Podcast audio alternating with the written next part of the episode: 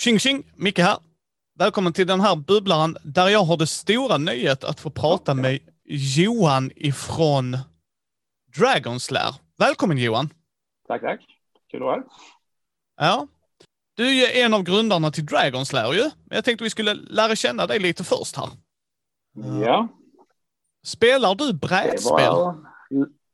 Det gör jag ganska mycket. Lite lugnare sista året av en naturlig anledning, men en del med familj och en del med några vänner. Annars så brukar spela en hel del. Ja. Är du Eurogamer eller Ameritrasher? Eh, Mer åt Eurogamer-hållet. Det får jag väl medge. Ja. Vilket är ditt favoritbrädspel just nu? Jag brukar säga att jag har svårt att säga favoritbrädspel, utan allting beror på vem jag spelar med.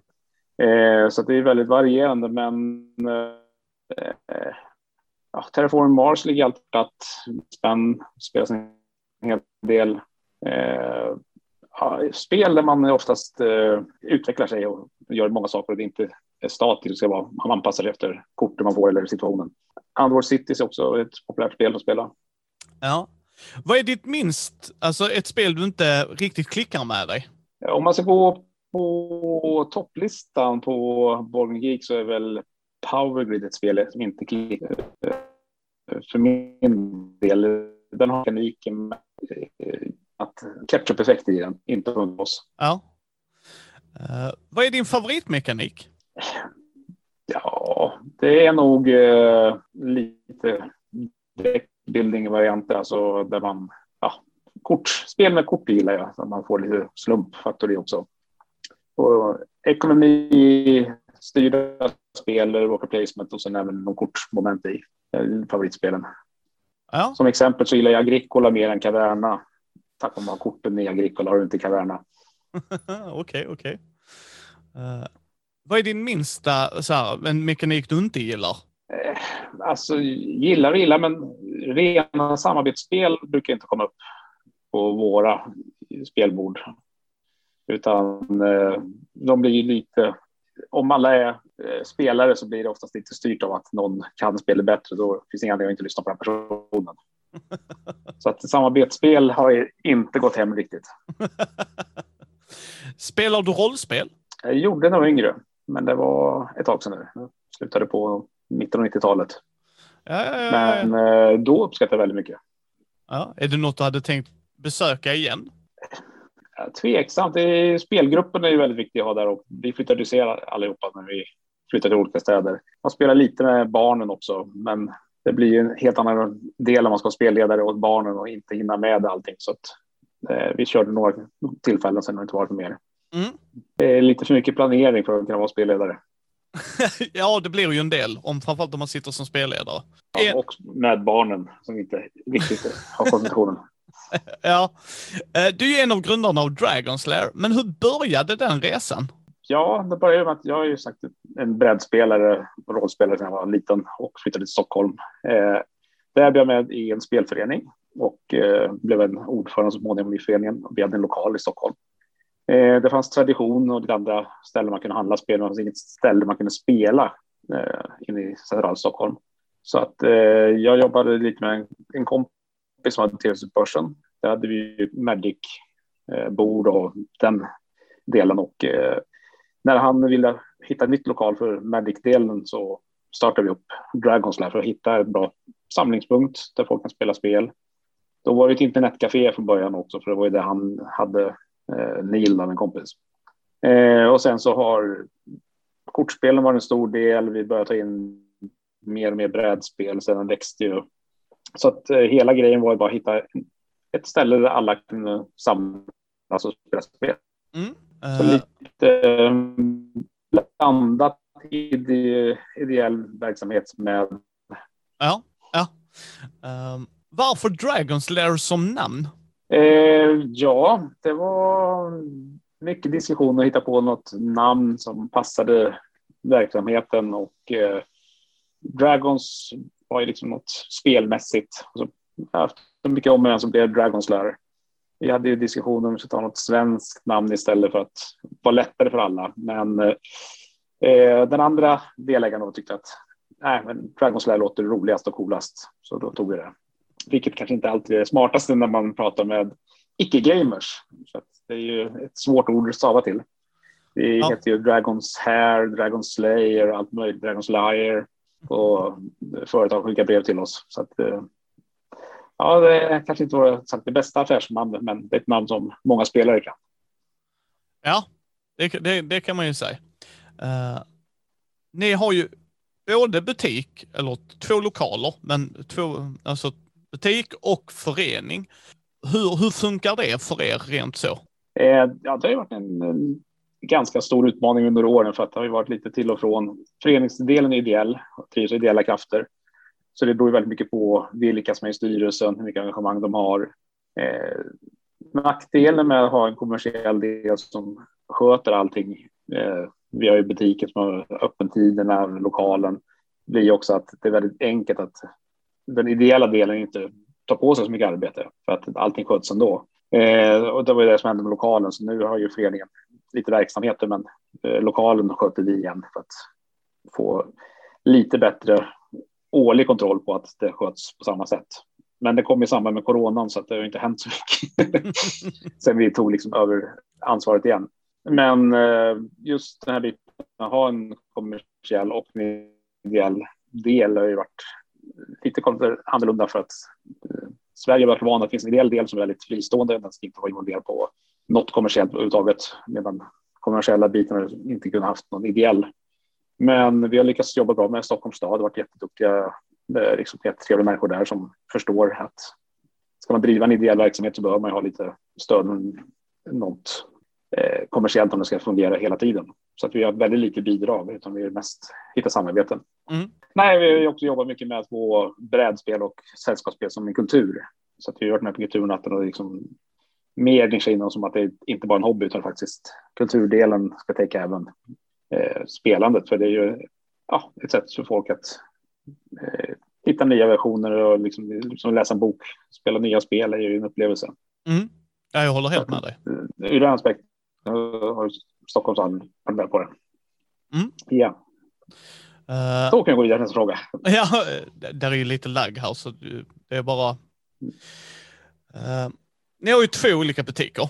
Varav den ena är mer fokuserad mm. på brädspel, rollspel och uh, vad jag förstod figurspel. Jag har varit i den delen och jag har spelat i den andra butiken, tror jag, om det var där ni hade internetcaféet och det, för det var när World of Warcraft Trading Card Game var igång varför har ni två ställen så att säga, alltså två olika butiker? För på den andra butiken säljer ni kort och sådana grejer ju, Magic och det om jag förstod det rätt. Ja, Nej, från början så ville vi ha ett ställe där allt skulle vara och alla skulle träffas och spela.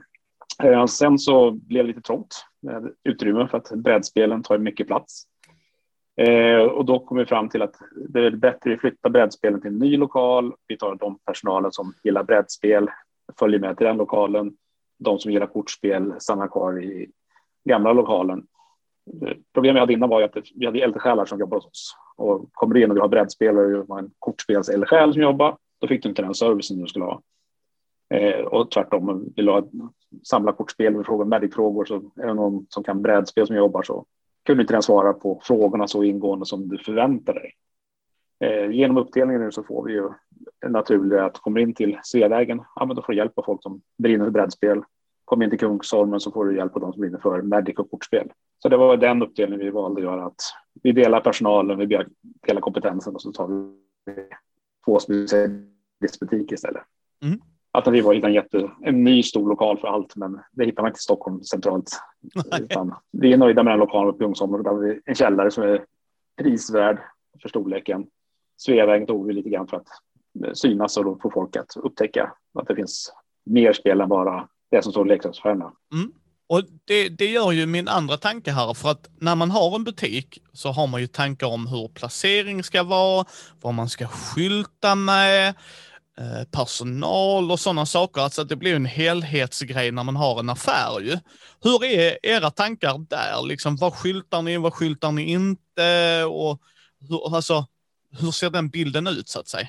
Ja, det kan jag säga att brädspel är ju riktigt svårt att eh, kategorisera i en butik, för man har ju fysiska ytor och eh, ska man dela upp det i spelmekanik, utgivare, designer, eh, kategori, eh, Eurotrash eller ska det vara tema, ska det vara zombiespel på ett ställe. Eh, så vi har ju valt att försöka hitta sektioner som gör att folk känner sig lite bekväma. Vi har lättsammare som barnspel, lite familjespel.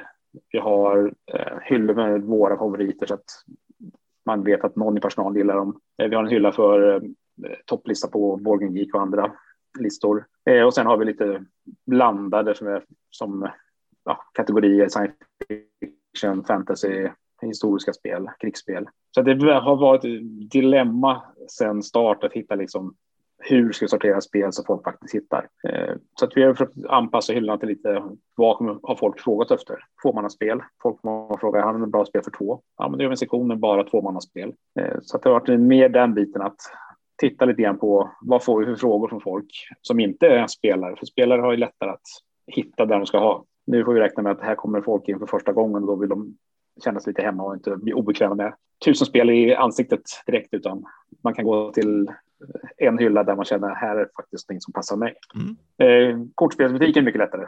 Där har vi ju sektioner på olika varumärken och eh, spel, så det är inget, inte samma problem. Nej, det kan jag tänka mig. Men när man skyltar, för att ni har ju ett skyltfönster ju. Alltså hur, hur tänker man där liksom för att tanken är ju att man ska locka in folk att komma in, ju inte bara vi veteranare som du säger, för jag är ju veteranare så när jag gick till er adress så visste jag exakt var ni var, alltså så att det var ju bara att jag dök upp och så bara, ja okej, okay, tjoff. Nej, det blir ju, i skyltfönstret är ju lite mer klassiker, där har vi ju oftast monopol, en eller två varianter, några partyspel, Exploding Kittens, eh, Risk står ofta ifrån skyltfönstret. Eh, och sen har vi några nyheter, men man, vi behöver inte locka in brädspelsfantasterna, de vet vad de ska ha ändå. Eller, eh, så att även om ja, skyltfönstret är mer till för att visa upp pussel och saker som kan få in folk i butiken. Ja. Sen har vi gjort lite tema ibland, att man har en hylla med eh, lite Marvel-grejer, en hylla med partyspel i skyltfönstret. Pokémon är också bra i skyltfönster, även till brädspel så har vi lite sånt i den butiken. Eh, vi har ju även lite leksaker som är spelrelaterade, lite Minecraft-saker och sånt som finns i skyltfönstret. Mm. Så att eh, nej, det är svårt att utbilda folk. Det har ju varit vårt stora problem sedan startat. Som sagt, vad är en spelbutik? Om jag säger det till någon så får vi alltid ha en tobaksaffär. Nej, inte riktigt. Det är inte betting, utan det är spelbutik. och då är nästa fråga, är det dataspel? Bara, nej, det är vanliga sällskapsspel. Så att, svenskan har lite problem med språket där, att särskilja på alla kategorier. Ja, och ni, ni säljer ju då kortspel, brädspel, allt det där ju och mittemellan. Men hur väljer ni ut produkter? Hur fungerar den processen för er? Mm. Tidigare så hade vi ju som målsättning att vi ska ha ett eller två spel inom allt. Eh, det fick vi överge för några år sedan för att produktionen på brädspel har ju exploderat. tidigare kom det ut en liten mängd eh, och med till kan man köpa med sig nyheterna och så var det bra. Nu kommer det fler spel på en månad vi gjort ett år tidigare, så att, eh, nu har vi mycket mer koll på ja, vad heter på Borgen Geek, vad tror vi på? Vi tittar igenom kommande så att eh, min som är väldigt duktig på att kolla, eh, läsa trådar på forum och sånt och eh, även lägga upp produkter så tidigt vi kan och se. Vi boka spel. Så att eh, vi försöker kurera våra spel eller ligger högt rankade eller man har ja, fått dem. Och de här spelen inte fått något och inte ta in dem igen. Så vi har reat ut en hel del spel de sista åren. Så att, eh, nej, men det är mycket mer jobb på att kurera listorna och hitta liksom spel som man faktiskt kan stå för. Mm. Ja, det kan ju vara en djungel även från er butiker ju. Liksom. Ja, informationsflödet är inte så gott från eh, tillverkarnas sida. Det är väldigt lite information om kommande saker, utan man får ju mer information och läsa forum och där folk skriver saker som man får testa spelet eller ja, någon som har designer som skriver någonting. Det är inte lätt att få mycket information officiellt. Det är som eh, många Pokémon-serier. Jag kan läsa på att säga vad de regler där. Så det blir lite så här, ja men okej, okay, jag vet vilka produkter det är, men jag får inte kalla dem Vad är den största trenden du har sett i branschen nu de senaste åren? Senaste åren så Ja, det har ju varit de här uh, Exit Games-varianterna eller ja, Cross Crime och de grejerna har ju varit ganska stora de sista åren. Eh, sen tycker jag inte det har varit någon genomgående trend som tidigare var det Roll of Rights som var jätte. Alla skulle ha en Roll of Right-variant. Eh, det är väl inga sådana trender. Det kan ju också vara på grund av corona sista året att SN uteblev, eh, Gencon uteblev. Det blir inga tydliga trender utan allting blir ganska utslätat sista tiden. Det kommer massa produkter, spel, men ingen som har snackats om så mycket som det var tidigare, utan man saknar den här eh, hotness på SN och liknande, att det är inget snack inför produkter, utan det dyker upp löpande. Mm. Sen har ju Kickstarter har ju varit eh, mer och mer spel kommer på Kickstarter, även de här stora bolagen lämnar ut på Kickstarter och trycker om spelen. En lyxigare variant, det är väl en trend som kommit senare, att det kommer nytryck fast lyxiga. Ja. Eh, det är ju väldigt många spel som känner att har dykt upp igen. Mm. Hur är som butik, hur är era tankar runt Kickstarter? Är det någonting ni gör på vissa spel eller är det någonting ni undviker helt eller allmänt era tankar där? Vi har ju gjort eh, svenska Kickstarters för att stödja. Så länge det finns någon, någon retailer-variant där butiken kan kickstarta.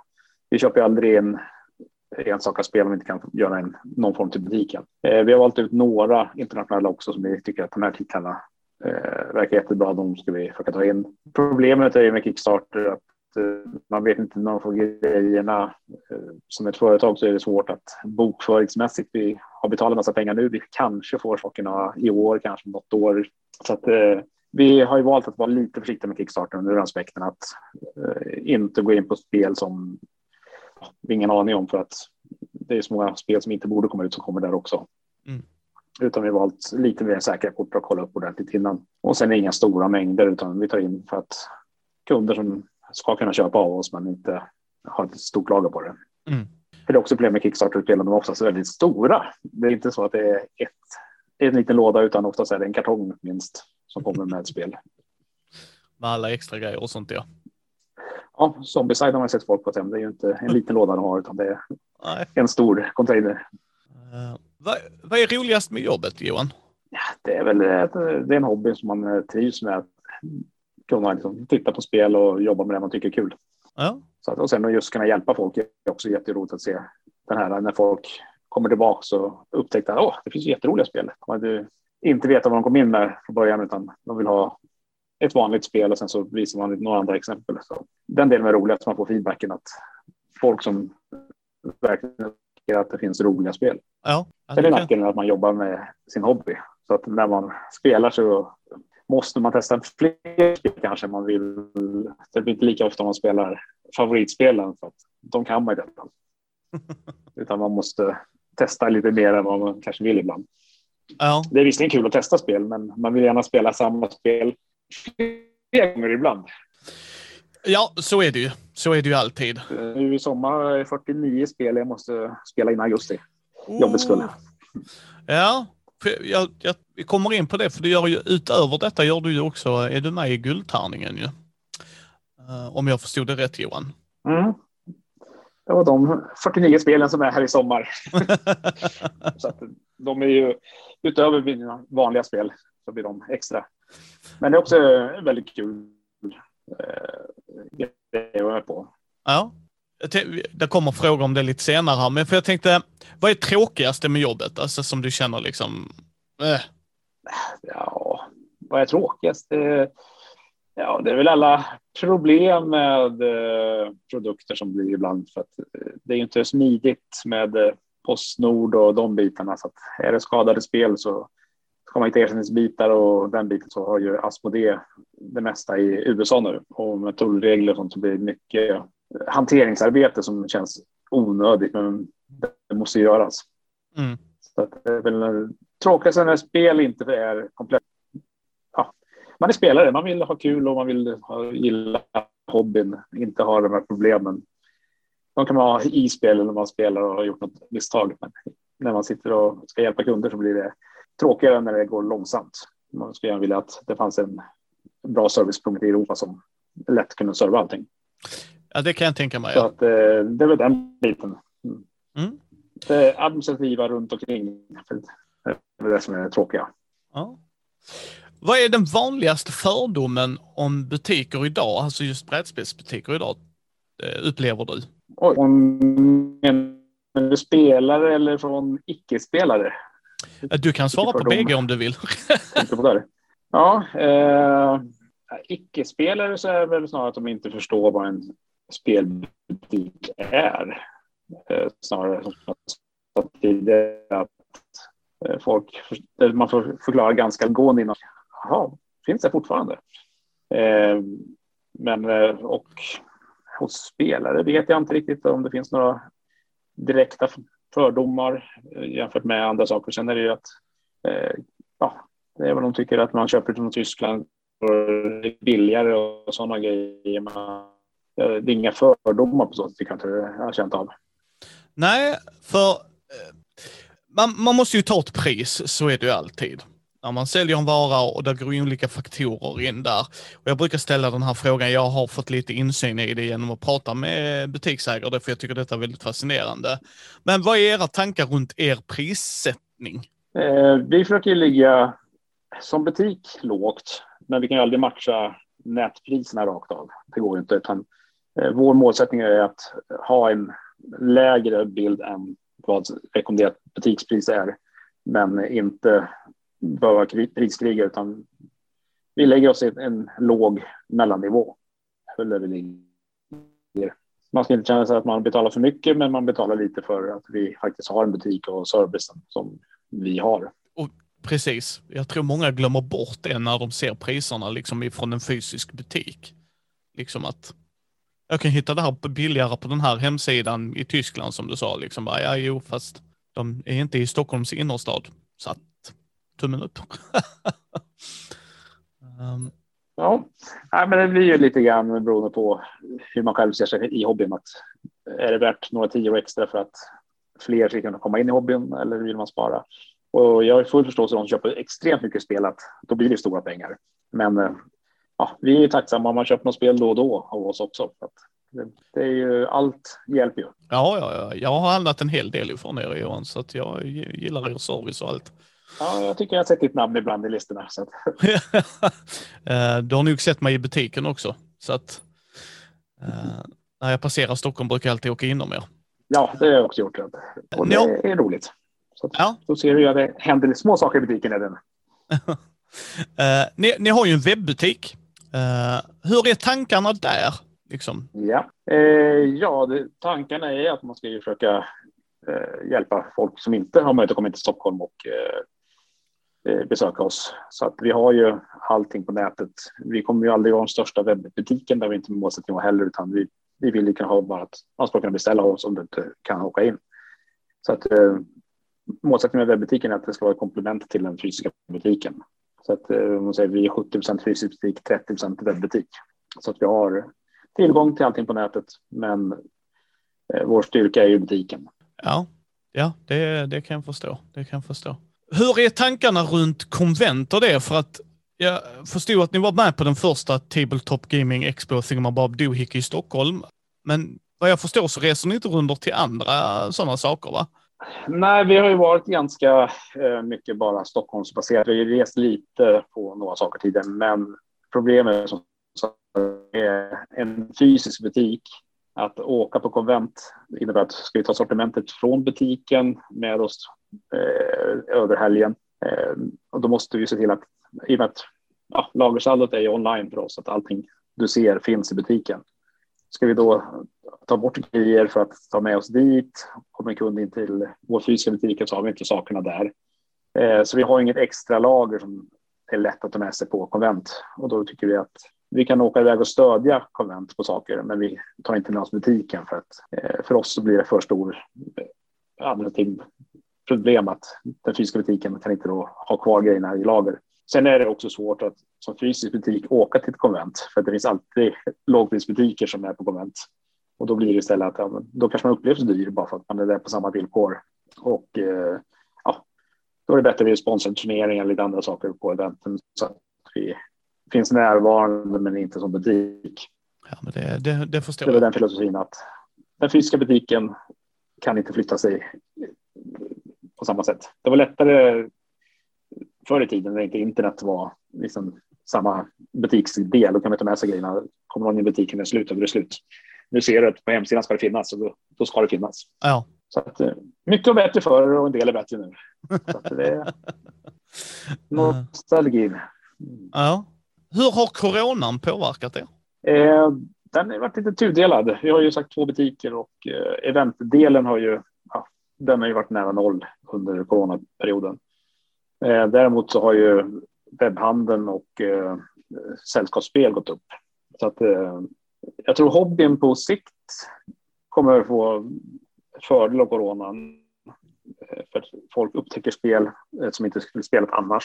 De som skulle spela annars har ett uppdämt behov att när man får börja umgås igen så kommer de vilja spela fler spel igen. Så jag tror att eh, ja, långsiktigt så det, är det positivt. Kortsiktigt så kunde det varit roligare. Mm. Ja, så är ju. Så är ju. Men hur, hur är era tankar runt event och eh, spelkvällar och sånt utanför coronan så sagt? Annat nu med coronan, men i, i normala fall så att säga inom kaninerna? Ja, I normala fall så har vi ju event varje kväll på Kungsholmen så att eh, väldigt mycket kortbaserade, alltså samlarkortspelen. Eh, men även på Sveavägen har vi en del brädspelskvällar.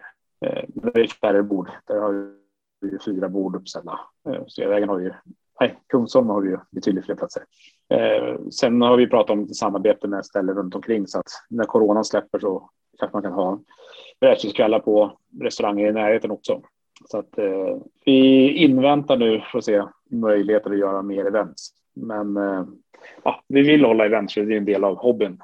Så att vi bara avvaktar och nu kommer ju juni kunna vara fler in folk så kan vi dela upp dem i smågrupper.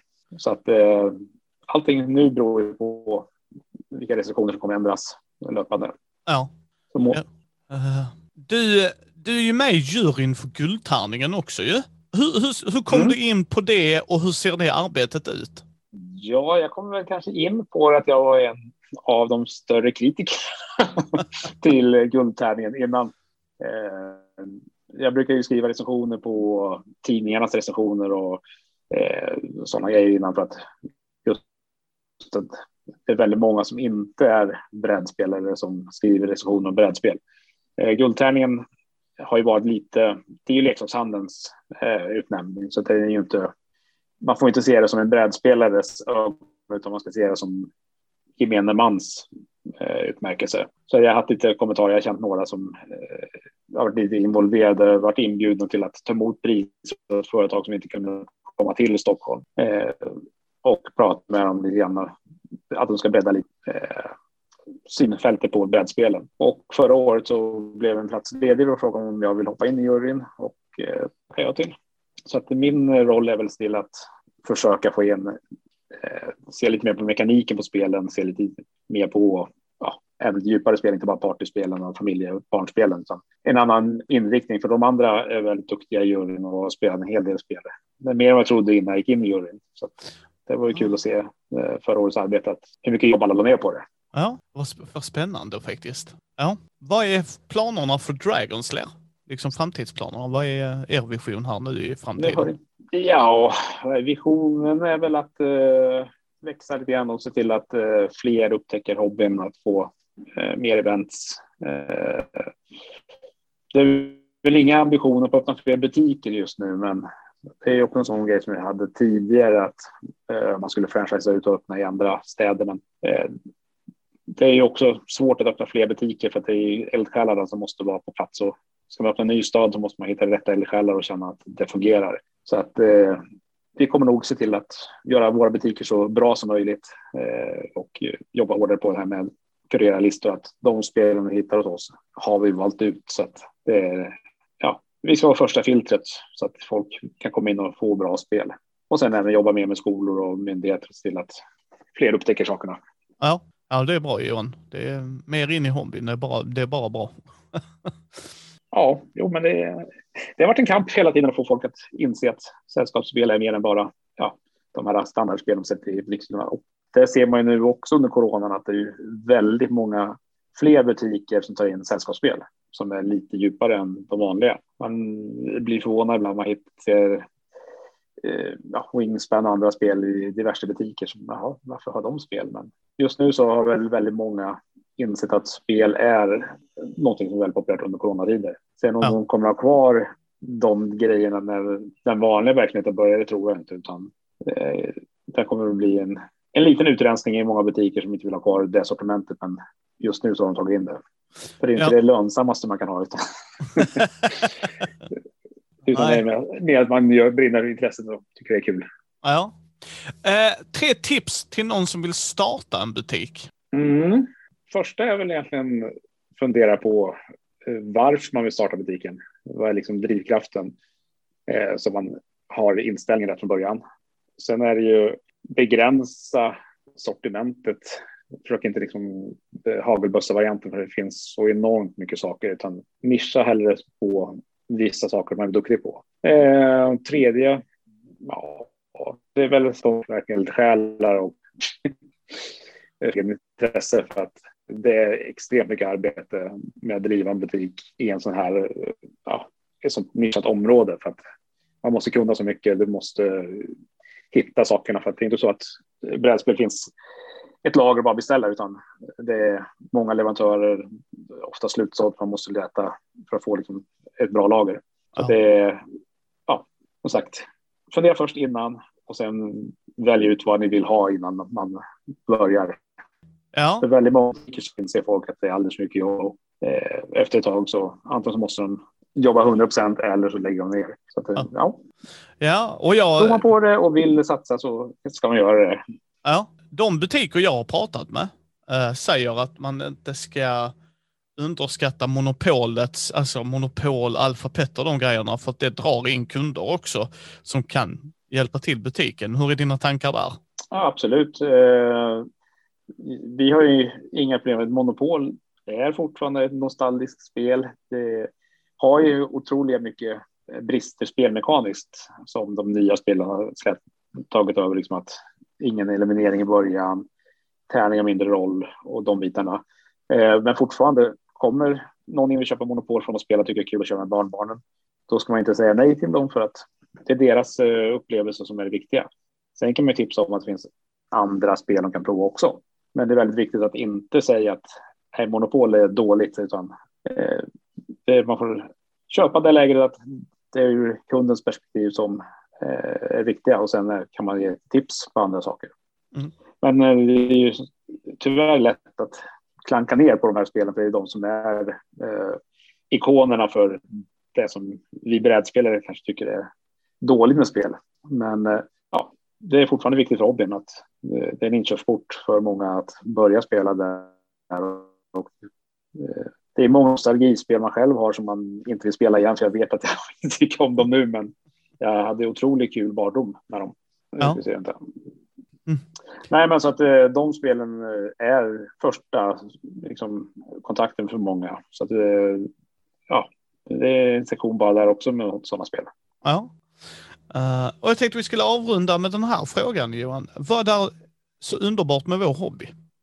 Det är väl gemenskapen och ja, vi har ju vår under lite spelglädje, gemenskap. Det är så där vi jobbar efter och eh, det är det som är det roliga, att man faktiskt sitter och spelar tillsammans och har kul. Eh, även om man sociala biten, man kan sitta och prata och skämta bort det dåliga i spelet den här gången och går det bra så kan man ha roligt åt det också.